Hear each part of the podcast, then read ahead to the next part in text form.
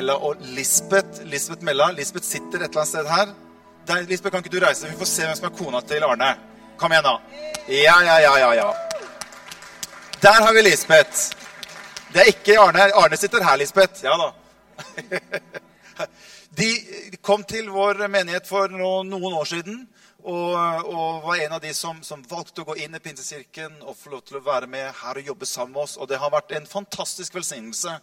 Og Noen ganger så tror jeg at Herren sender medarbeidere inn, sender mennesker som skal være med sammen med oss for å være med å bygge Guds rike. Vi bygger ikke noe kirkesamfunn, vi bygger ikke noe mennesker, men vi bygger Guds rike. Og det er bare nåde over nåde at vi kan få lov til å være med og være med å bygge Guds rike sammen. Så Arne Melle og Lisbeth har vært en utrolig velsignelse så langt. Og som Rune sa, så er Arne leder for Life-gruppene. Og vi har kommet veldig godt i gang med Life-grupper. Vi har, hadde rundt en 15 grupper ved, ved årsslutt. Og vi har et litt sånt ordentlig mål at vi skal doble det tallet i 2014. Og eh, i dag er vi ca. 100 mennesker som er tilknyttet en life-gruppe. Og vi ønsker at i utgangen av 2014 skal det være 200 mennesker som er koblet til en, en, en life-gruppe. Og det er veldig veldig bra, og Arne står i, i, spissen for det. Så vi skal høre Arne forkynne Guds ord i dag. Så jeg ønsker bare å ønske deg velkommen, Arne. Plattformen er din. Skal vi gi Arne en skikkelig applaus, han også? Vær så god.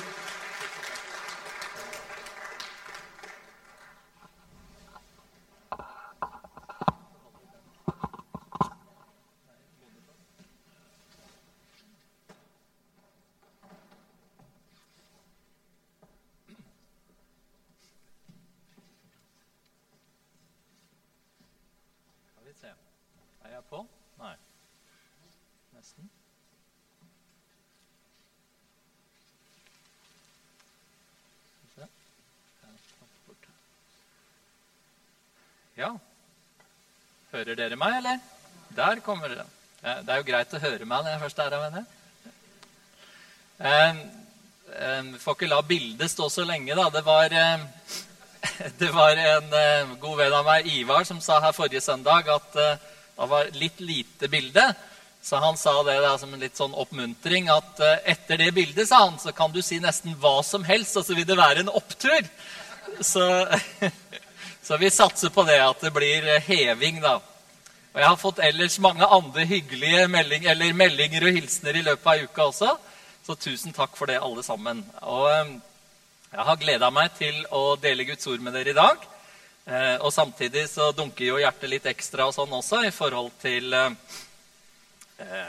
å få formidlet det som Gud vil, og det som Eh, vi lengter etter alle sammen, Morten er inne på, å bare oppleve og kjenne og merke bare mer og mer av Guds nærhet. Og da det temaet jeg føler jeg har fått på hjertet, mer av Guds rike, komme imellom oss. Det er eh, virkelig det det handler om. Og takk og lov, Rune, at vi kan ha en større drøm enn å sitte hjemme i sofaen. Vi kan få lov å være med og utbre Guds rike. Og da kjenner vi at vi holder på med noe som er viktig, noe som faktisk har betydning langt utover eh, både denne uka og lørdagskvelden og hva det måtte være for noe. Så jeg inviterer dere til å være med meg eh, på et lite studie i dag eh, om Guds rike. Og ja, jeg tror vi leser sammen med en gang jeg fra Markus 1. Og eh, det får vi opp her også. Så flott. Eh, det var helt i begynnelsen av Jesu tjeneste. Og eh, Der står det altså i Markus 1 fra vers 14 og 15 eh, først. Etter at Johannes var kastet i fengsel, kom Jesus til Galilea og forkynte Guds evangelium og sa tiden er kommet, Guds rike er nær, vend om og tro på evangeliet. Og En gang han gikk langs Galileasjøen, fikk han se Simon og hans bror Andreas, som kastet not i sjøen. De var fiskere. Og Jesus sa til dem, 'Følg meg, så vil jeg gjøre dere til menneskefiskere.' Og straks lot de garnene ligge og fulgte ham. Vi ber sammen. Kjære Jesus, takk at eh, du er her sammen med oss. Takk at vi kan kjenne det allerede. Takk at vi kan tilbe deg og prise deg.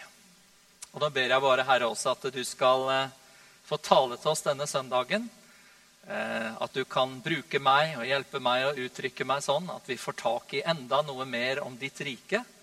Og at det kan inspirere oss, at det kan bevisstgjøre oss, Herre. Og at det kan hjelpe oss, Herre, til å være med og utbre ditt rike her hvor vi er. Der hvor du har satt oss, dit hvor du sender oss, Herre. Herre, vi bare åpner oss for deg. Vi åpner oss for deg, Hellige Ånd. Vi ber om din salvelse og ditt fortsatte nærvær, sånn at det skal være lett å ta imot ditt ord, at det skal være lett for meg å tale, eh, og at ditt ord, ikke minst, at det skal få bære frukt i hjertene våre. Vi ber om det i Jesu mektige navn. Amen. Amen. Ok, er du klar? Ja, det er bra.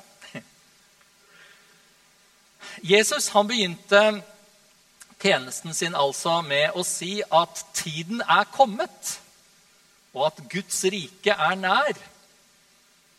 Og det var på en måte kanskje litt merkelig at Jesus skulle si det.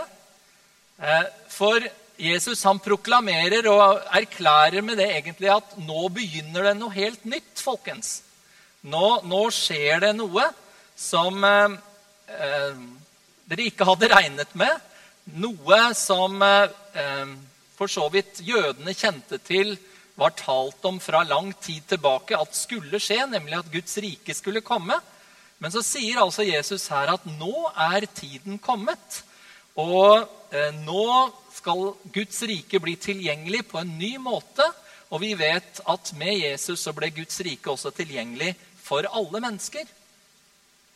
Og jeg vet ikke hvordan det er med deg, men mange tenker nok på det med Guds rike som noe litt sånn diffust. Noe som skal komme én gang, liksom. Men hvis vi leser i evangeliene, så var det med Guds rike faktisk veldig sentralt i Jesu forkynnelse. Jeg fant et sted her at i løpet av evangeliene så er det begrepet Guds rike eller himmelrike brukt faktisk så mye som 120 ganger. Med andre ord, det var noe som var sentralt i Jesu forkynnelse. Eh, og vi leser at evangeliet var om Guds rike. Det var det glade budskapet som de første disiplene ble sendt ut med.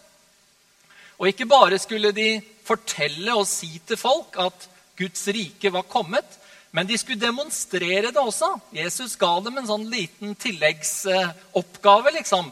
Ja, dere skal fortelle om meg og fortelle om evangeliet, men dere skal helbrede de syke, vekke opp de døde, og rense spedalsk og kaste ut onde ånder og sånn. Det var liksom Kjør på, gutter! Guds rike er kommet! Noe mektig, noe veldig som hadde skjedd. Og vi må ta med et skriftsted til òg, som viser litt av denne her mektige overgangen. Og da går vi til Lukas, kapittel 4. Jeg er bare på innledningen ennå, altså, men bare sånn at du skal få med deg litt av bildet her. Dette er starten på Jesu tjeneste. I Lukas 4 eh, Skal vi se Har jeg tulla litt med, med skriftstedet her? Eh, det skal være en to, to foran den. Der, ja. Lukas 4, 16, så står det han kom også til Nasaret, hvor han var vokst opp. Og på sabbaten gikk han inn i synagogen som han pleide. Da han reiste, han reiste seg for å lese av Skriften, rakte de ham bokrullen eh, rakte de ham profeten Jesajas bok. Og Da åpnet han bokrullen og fant det stedet hvor det står skrevet. Herrens ånd er over meg, for han har salvet meg til å forkynne et gledesbudskap for fattige. Han har sendt meg for å kunngjøre at fanger skal få frihet, og blinde få syn igjen, for å sette undertrykte fri og rope ut et nådens år fra Herren. Og De som hadde gått en stund da i synagogen, de visste at Jesus leste opp en kjent profeti fra Jesaja om det som en gang skulle komme. Og Så satt de der da spent og lurte på ja vel, hva kommer predikanten da til å si om dette i dag? Hva er det liksom nå som skjer? Og så er det at Jesus tar eh, pusten eller lufta ut av dem alle sammen ved så å legge til Han rullet bokrullen sammen, står det, rakte den til tjeneren og satte seg. Alle i synagogen stirret spent på ham. Og så sa han, i dag er dette skriftordet oppfylt mens dere hørte på. Et nådens år, altså. Et gledesbudskap for fattige. Et budskap om frihet for de som var fange, for de som var undertrykt. Helbredelse for de som var syke, for de som sørget. Er kommet nå, sier Jesus. Og Uten å gå langt inn i det, men du vet kanskje at det som står om nådens år i Det gamle testamentet I tidligere oversettelse så sto det noe om jubelåret. Eller frigivelsesåret, som også noen oversettelser har. Og Det handlet om at en gang hvert 50. år så var det sånn at alle slaver i det gamle Israel ble satt fri. Alle lån ble slettet. Eiendommer gikk tilbake til den opprinnelige eieren. Det var et veldig sånn revolusjonerende program egentlig for å jevne ut forskjeller og for å hjelpe folk. Men det skjedde altså hvert 50. år. Og så kommer Jesus og sier, 'I dag er dette skjedd.' Nådens året er nå. Dere kan åpne opp, og dere kan ta imot det som jeg har å komme med, og det er Guds rike. Så jeg har lyst til at vi skal gå og snakke litt om hva er da Guds rike. Hva betyr det egentlig for oss at himmelriket er kommet nær? Hvilken rolle spiller du egentlig i Guds rike? Og hvis det er sånn at Guds rike er kommet, er det også sånn at det er noe som fortsatt ikke er kommet? Ja, jeg håper vi skal rekke igjennom og snakke litt om det. Jeg var inne på i stad at jødene ventet på at Guds rike skulle komme. ikke sant? De hadde forventninger om noe stort som skulle skje. Og Vi kan kanskje skjønne at eh, deres forventninger var si, litt kortsiktige også. Eh, de levde i en forferdelig situasjon med undertrykkelse fra romerne. Og så leste de i Bibelen, i Det gamle testamentet, om at en dag skal Messias komme og regjere som konge og opprette Davids rike. Og kanskje de gikk og liksom drømte litt seg imellom at å, blir det ikke fantastisk når det skjer en dag, dere? Det var det som profetene hadde talt om. Det var liksom dette som de levde i. Så kommer Jesus og forkynner at Guds rike er kommet. Men han kommer og forkynner et helt annerledes rike. Men det var et rike som var kommet nå, selv om det ikke var synlig. Et rike som skulle bety en utrolig forskjell. Og ordet 'rike' på gresk, basileia Jeg kan ikke gresk, men jeg har slått opp det. Eh, det kan oversettes best som herredømme. Altså et sted eller et område hvor noen regjerer, hvor noen styrer. Og det gjør at vi med en gang skal prøve å tenke litt sånn at Guds rike er ikke sånn som kongeriket Norge, liksom. Som strekker seg fra Lindesnes til Nordkapp, ikke sant? Og så har vi grense mot Sverige, og så har vi sånn kontinentalsokkel og alt det der. Nei, Guds rike eller Guds herredømme er faktisk noe som brer seg ut alle steder. Når Jesus snakker om Guds rike og bruker bilder på Guds rike, så snakker han f.eks. om surdeig, eller gjæret, om du vil. Vi bruker jo ikke surdeig lenger, men jeg har også skjønt det at hvis du putter gjær inni en deig, den lille klumpen inni deigen, så gjør den noe med hele deigen. Sånn er Guds rike, sier Jesus. Guds rike er rett og slett den dimensjonen, eller der hvor Jesus rår. Der hvor Gud er herre. Og det er noe fantastisk. Jeg vet ikke om alle dere har sett, uh, no, har sett um, filmen om Narnia. 'Løven, heksa og klesskapet'. Noen som har sett den? Ja, det er bra.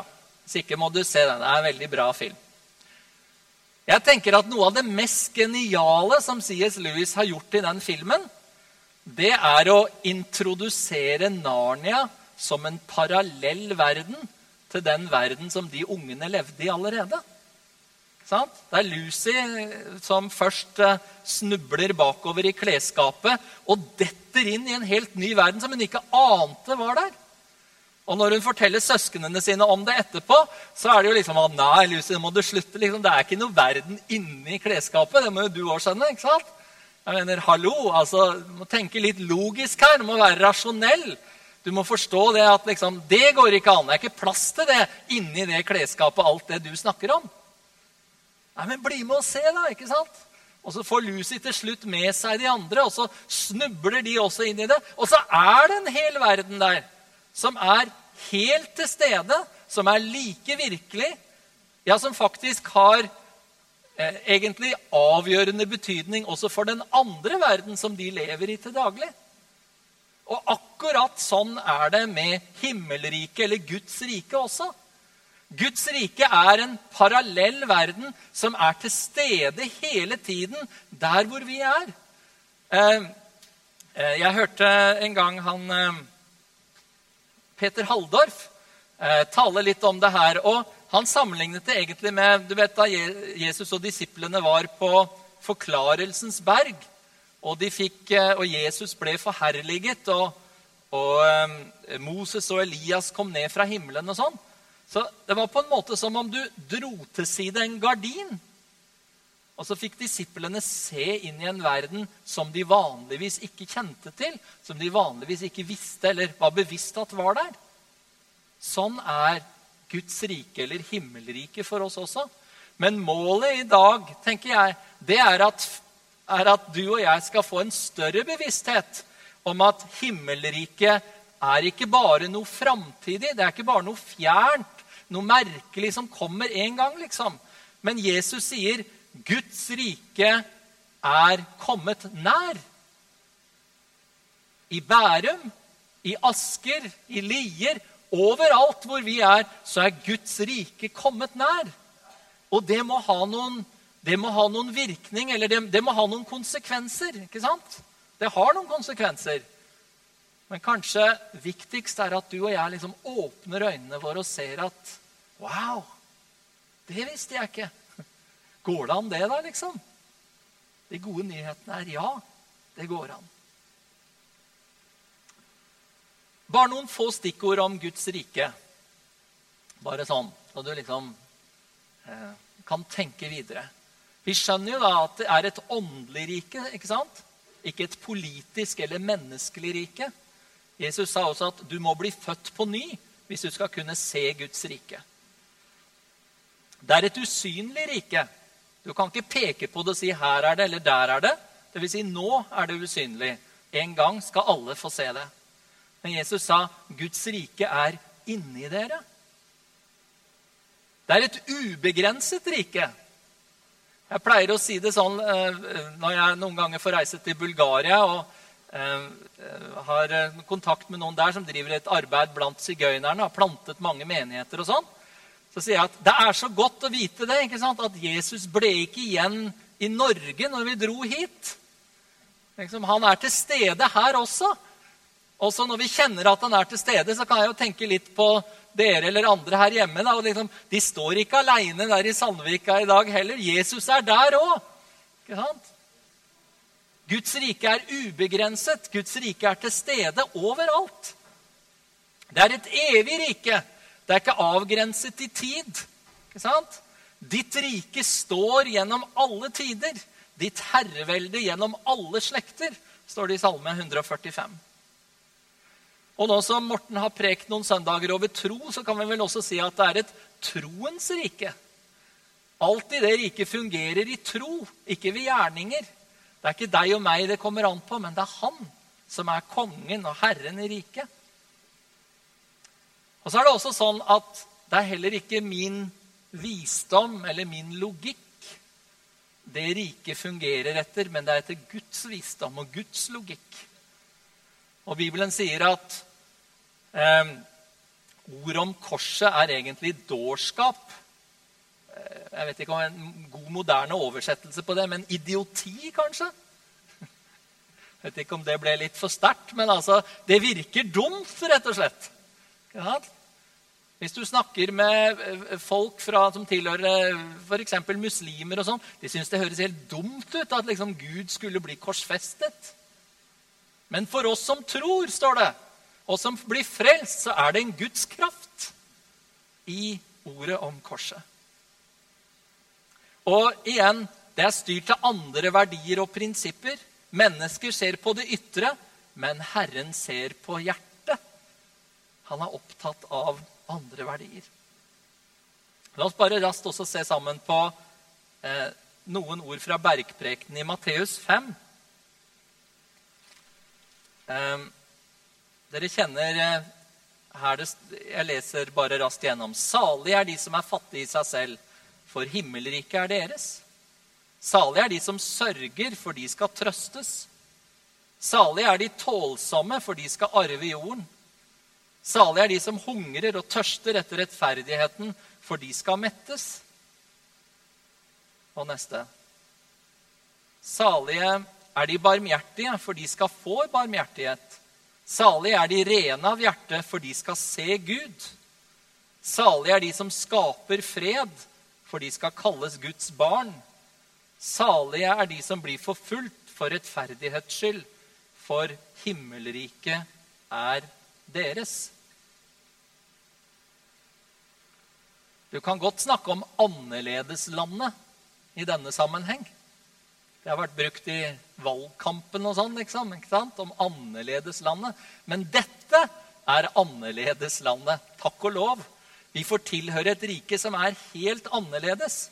Hvor de som er fattige i seg selv, er de som er rike. Hvor de som sørger over det som eh, er ondt i verden, det er de som skal eh, bli trøstet.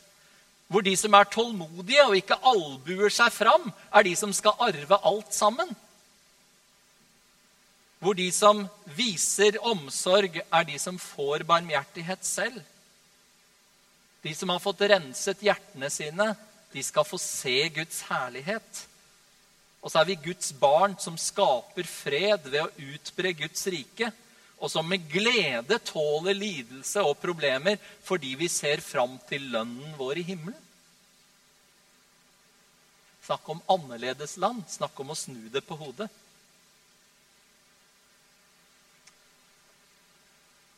Hva betyr det at Guds rike er kommet nær for deg og meg?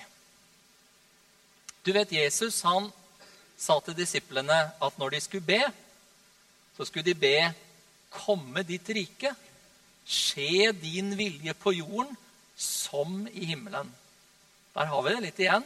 Guds, rike, nei, Guds vilje skjer hele tiden i himmelen. Men vi ber om at det skal skje her hos oss, der hvor vi er. At Guds rike må komme.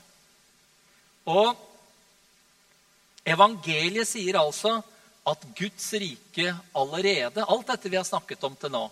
At Guds rike er allerede tilgjengelig i Jesus. Vi behøver ikke å vente til verdens ende. Vi behøver ikke å vente på tusenårsriket, liksom. Det er mulig å ta imot og få oppleve velsignelsene i Guds rike her allerede nå. Og faktisk er det også sånn at både djevelen og synden og alt hans herredømme, alt med mørkets makt, må gi tapt der hvor Guds rike får komme til, der hvor mennesker åpner opp for Guds herredømme. Jeg tror bare jeg raskt skal referere til dere, men dere kjenner kanskje fortellingen om, om Martha og Maria og Lasarus. Det står i Johannes 11. Og jeg syns den illustrerer flott, egentlig, eh, hvordan eh, Du kan bare ta den av litt så lenge.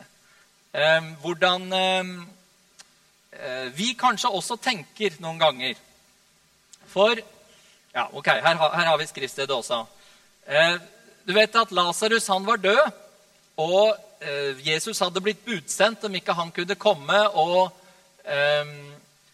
komme og hjelpe og be for Lasarus. Eh, Martha og Maria og Lasarus var jo gode venner av Jesus. Men Jesus drøyde og kom liksom ikke med en gang. Og sånn. Og så når da Jesus kommer, så sier Martha til Jesus at 'hadde du vært her bare, så hadde ikke Lasarus dødd'. Men, men, jeg vet at uh, bare du ber, så liksom vil, vil Gud høre deg, osv. Og, og så sier Jesus da til Martha at 'ja, men vet du, broren din skal stå opp igjen'. Og så, ja, som det står her, så sier Martha, ja, jeg vet at han skal stå opp i oppstandelsen på den siste dag. Ser du det? Jo da, jeg vet at du, ditt rike skal komme en dag, Jesus. Jeg, jeg tror på deg. Jeg vet at, at, det vil gå sånn som profetene har sagt. Og jeg tror ganske mange ganger så kan vi også være litt sånn i våre liv at vi ber Gud om noe, og vi tenker at liksom Ja, men en dag Ja, i framtiden, liksom. Da kan det skje. Og så går vi glipp av poenget som Jesus da sier også til Martha. Jeg er oppstandelsen og livet. Jeg er her nå, Martha. Vet du hva? Du kan åpne opp for mitt rike, du kan åpne opp for min makt og ta imot fra meg her og nå. Jeg ønsker å møte ditt behov. Jeg ønsker at du skal få oppleve det jeg har for deg nå. Ikke på den ytterste dag. Ikke liksom i oppstandelsen, bare. Du skjønner, Jesus er oppfyllelsen av alle frelsesprofetiene i Det gamle testamentet. Jesus har allerede vunnet det avgjørende slaget mot djevelen. Seieren er vunnet allerede, den. Bibelen sier at i han har vi forløsningen som ble vunnet ved hans blod. Vi har fått tilgivelse for syndene allerede.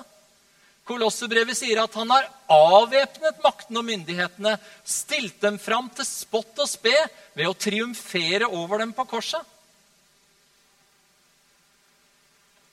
Det var for å gjøre ende på djevelens gjerninger at Guds sønn åpenbarte seg.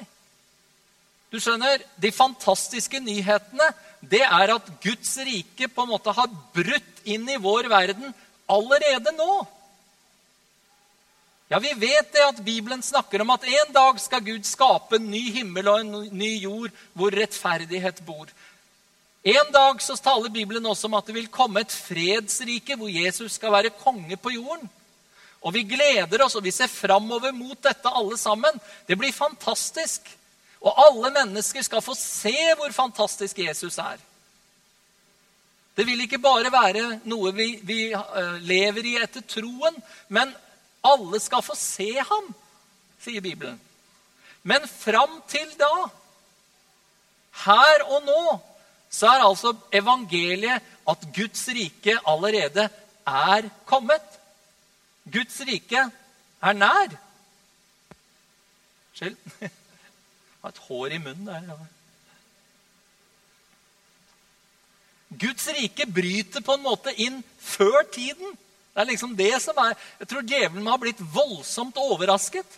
Hvis han tenkte at han liksom skulle få holde på i fred enda noen tusen år eller noe sånt, noe, liksom, og plage mennesker, og så bryter bare Guds rike inn med Jesus og disiplene og menighet. og Hva er alt dette her for noe? Her går det folk rundt og ber for syke, og, og de opplever i Sandvika til og med at Jesus kommer og berører dem på en vanlig søndag. Hva er det her, liksom? Jo, det er Guds rike som er kommet nær. Det er noe som du og jeg kan oppleve. Og Det er omtrent vet du, som under andre verdenskrig, etter D-dagen, altså da de allierte eh, satte styrkene sine i land i Normandie. Da skjønte de fleste generalene og sånn at nå er slaget tapt. Dette var liksom det avgjørende eh, støtet fra de allierte styrkene over, over de tyske soldatene. Men det gikk en tid likevel hvor disse eh, nazistyrkene fortsatt gjorde mye skade og mye ugagn. Og de okkuperte for så vidt fortsatt landområder enda. Men de allierte styrkene de bare bredde seg ut og inntok nytt område og nytt område. Og nytt område, og det var aldri noe tvil om hva utfallet ville bli.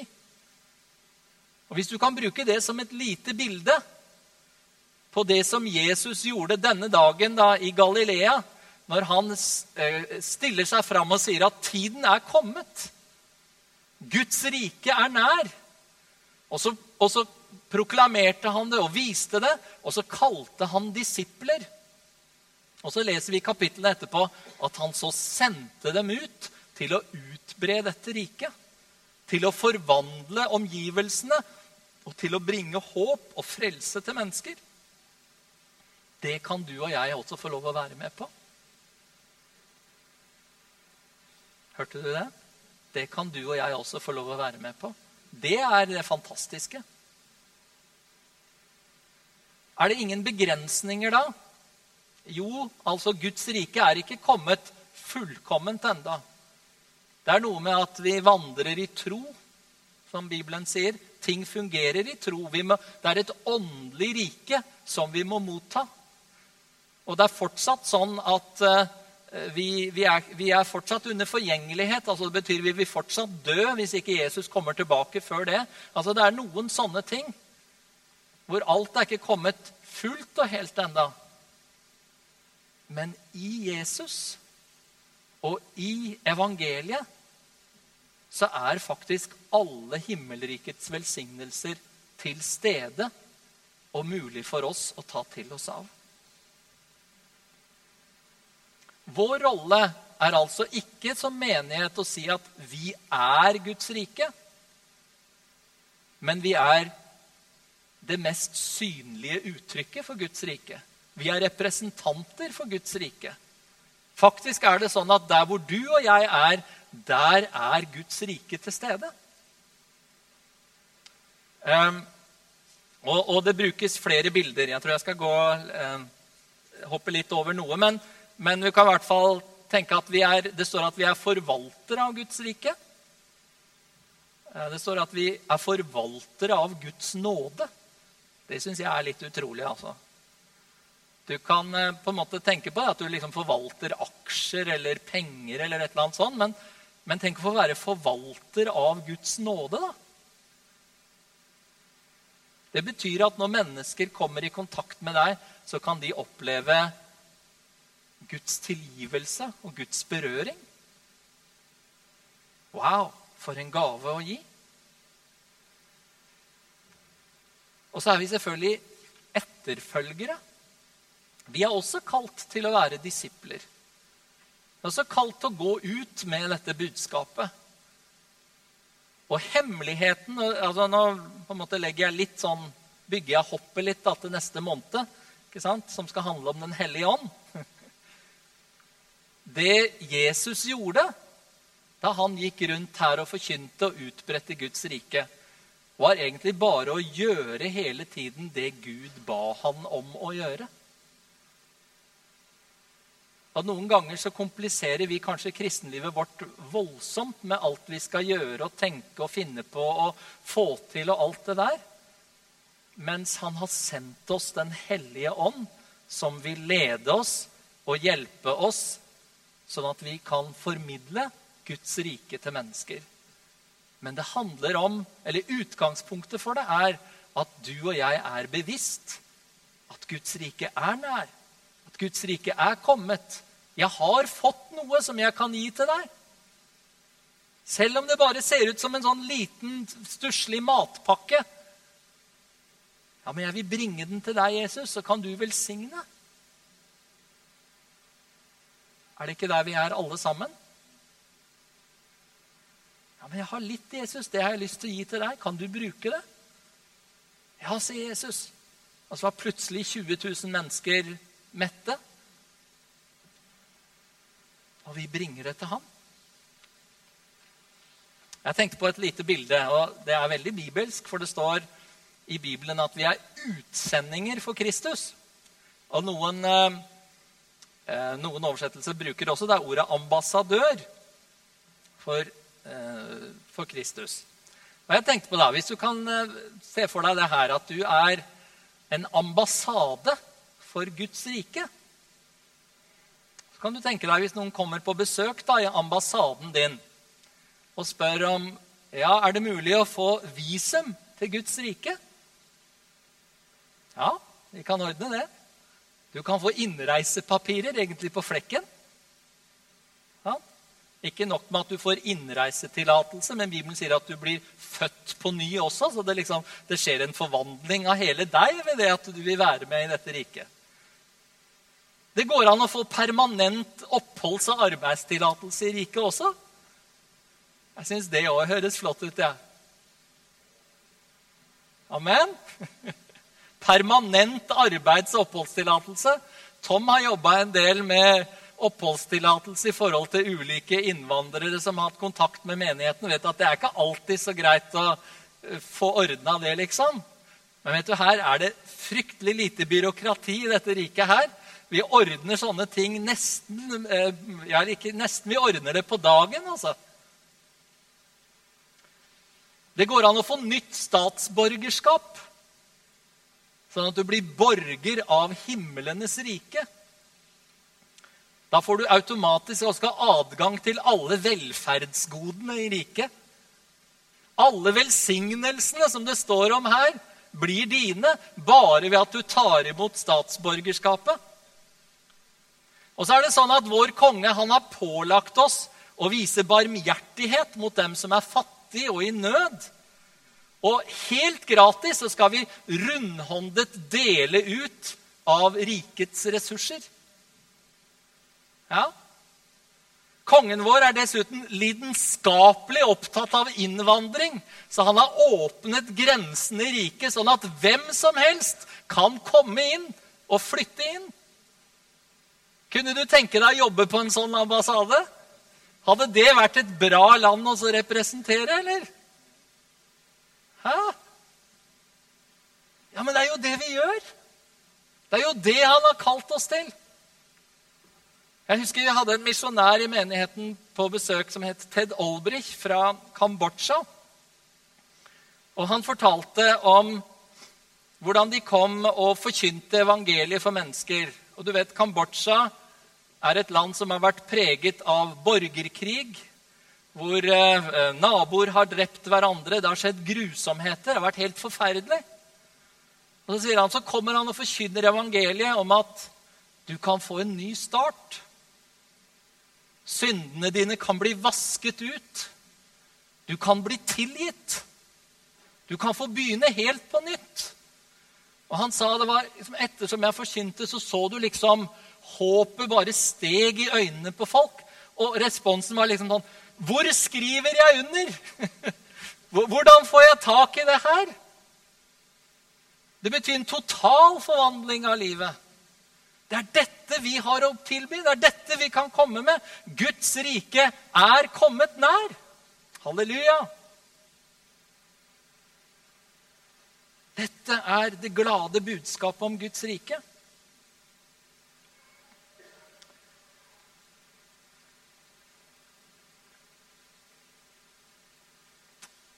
Det er bitte litt som står igjen av Guds rike.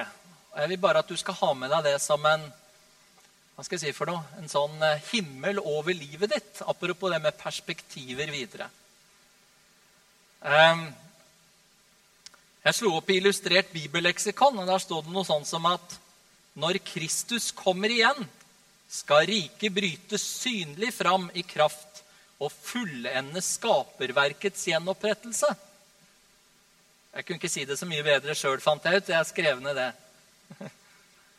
og så sto det også at det at Guds rike egentlig allerede er kommet, er det kristne håps basis.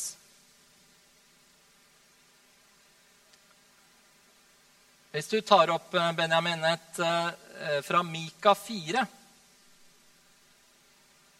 så står det I de siste dager skal det skje at Herrens tempelberg skal stå grunnfestet høyt over alle fjell og løfte seg opp over høydene. Dit skal folkeslag strømme. Mange folk drar av sted og sier, 'Kom, la oss gå opp til Herrens fjell, til Jakobs Guds hus, så han kan lære oss sine veier, og vi kan ferdes på hans stier.'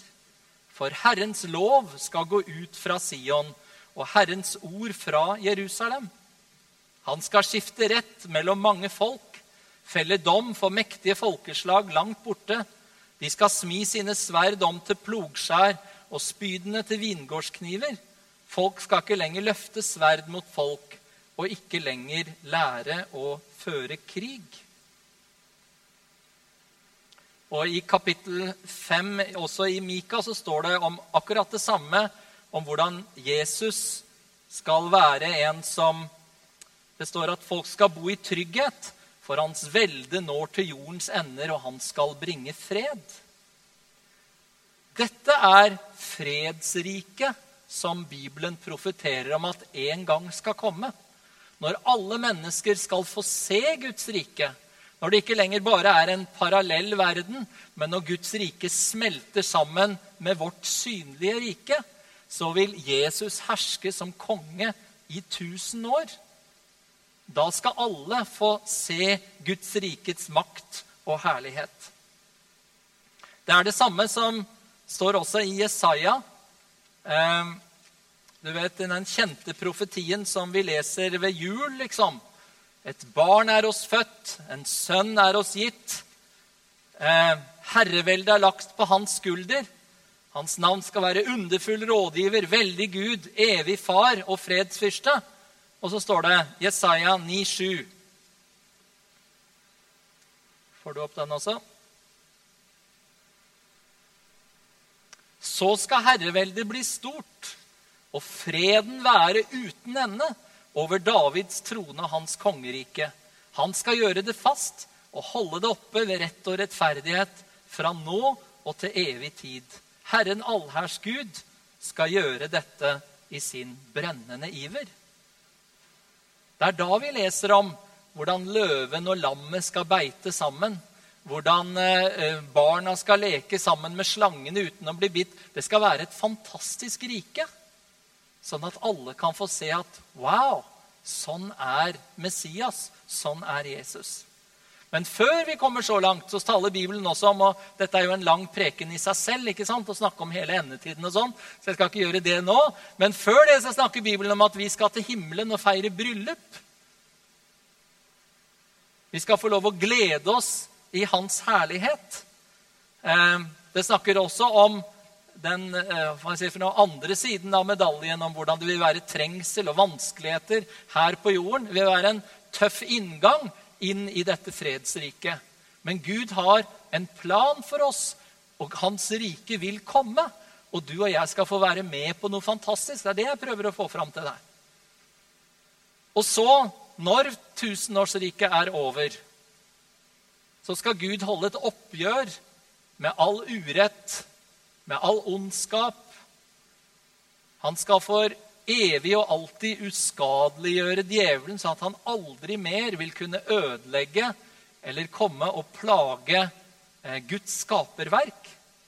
Og Da leser vi i Åpenbaringen 21 eh, om hvordan Gud skaper en ny himmel og en ny jord der rettferdighet bor.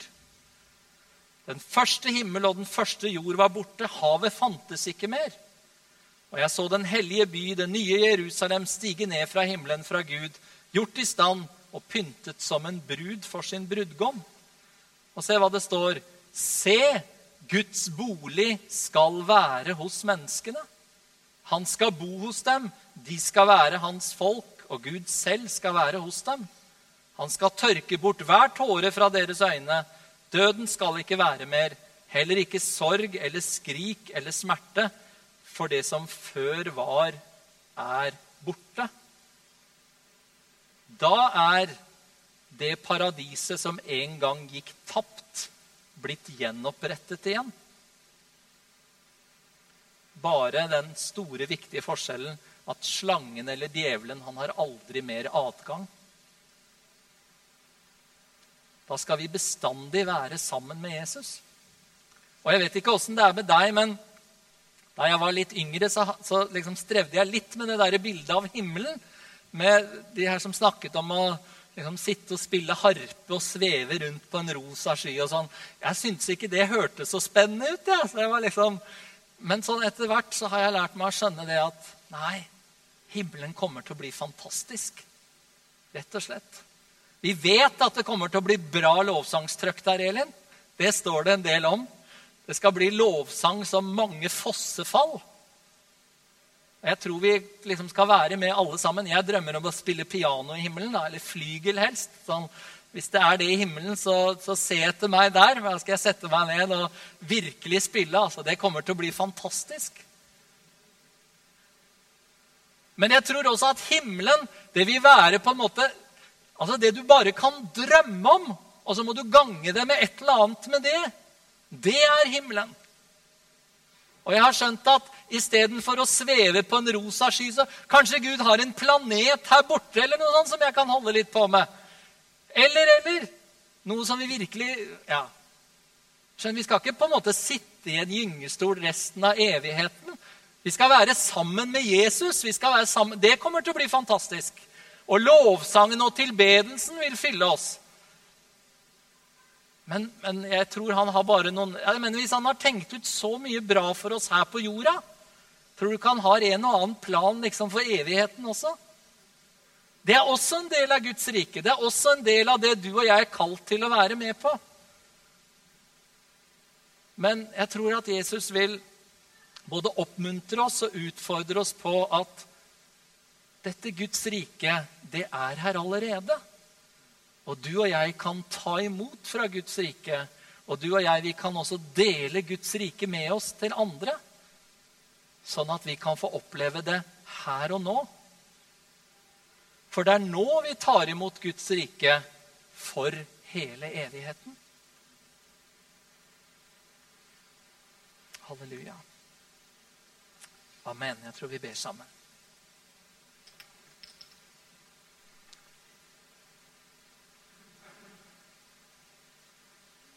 Halleluja, Jesus. Halleluja, Herre. Ja, dere kan godt komme opp. Takk, Jesus, for at ditt rike er kommet. Takk for at du er her allerede, Jesus. Og at vi kan oppleve deg, oppleve din nærhet. Takk at vi merker det når du er til stede ved din ånd. At det er noe som vi ikke kan se eller ta på, men som er så virkelig likevel og som vi kan gi oss til og følge, Herre. Vi takker deg for det. Og jeg ber, Far, om at evangeliet om ditt rike, at ord om ditt rike denne formiddagen, at det skal få feste seg i hjertene våre, sånn at vi med frimodighet kan dele det videre. Kan gi ut av det som du har gitt til oss. Gratis for intet, Herre. Og så ber jeg også, Far, for oss alle sammen som er her i dag, at vi ikke skal utsette alt som har med ditt rike eller dine bønnesvar eller det som du ønsker å gjøre til framtiden. Sånn som Martha tenkte. Men at vi kan forstå, Herre, at du er her nå for å møte våre behov. At du er oppstandelsen og livet.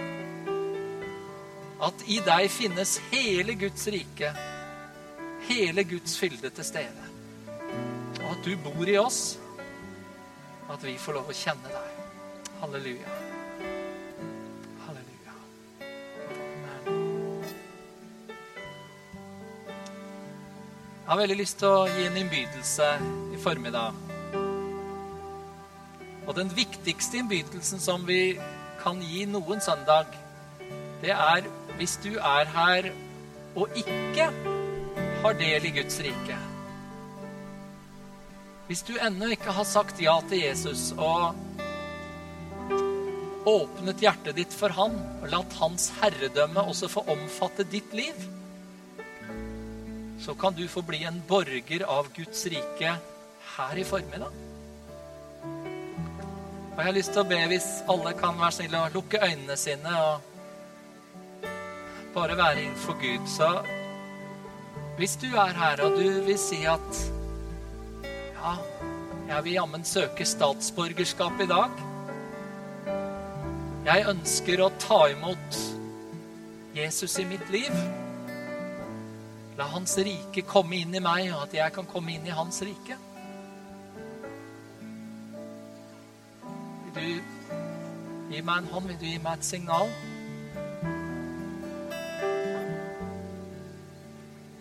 Vi vil gjerne be for deg, og vi vil gjerne stå sammen med deg kan snakke med noen av oss etterpå. Vi skal ikke gjøre det pinlig eller vanskelig for deg eller noen ting.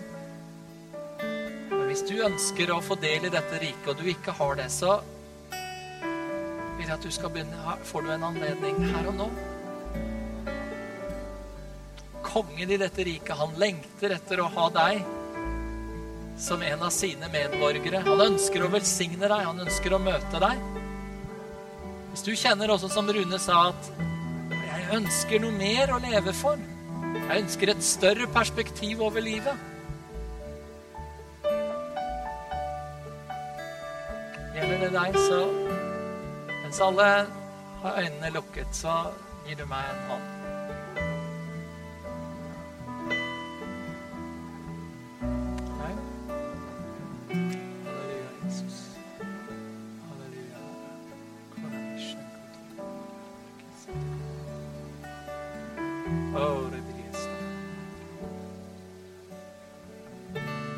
Har også lyst til å gi en innbydelse til deg dersom du trenger helbredelse. Dersom du går med ting i ditt liv hvor du trenger at Guds rike får bryte inn og skape en forvandling, så er Jesus her.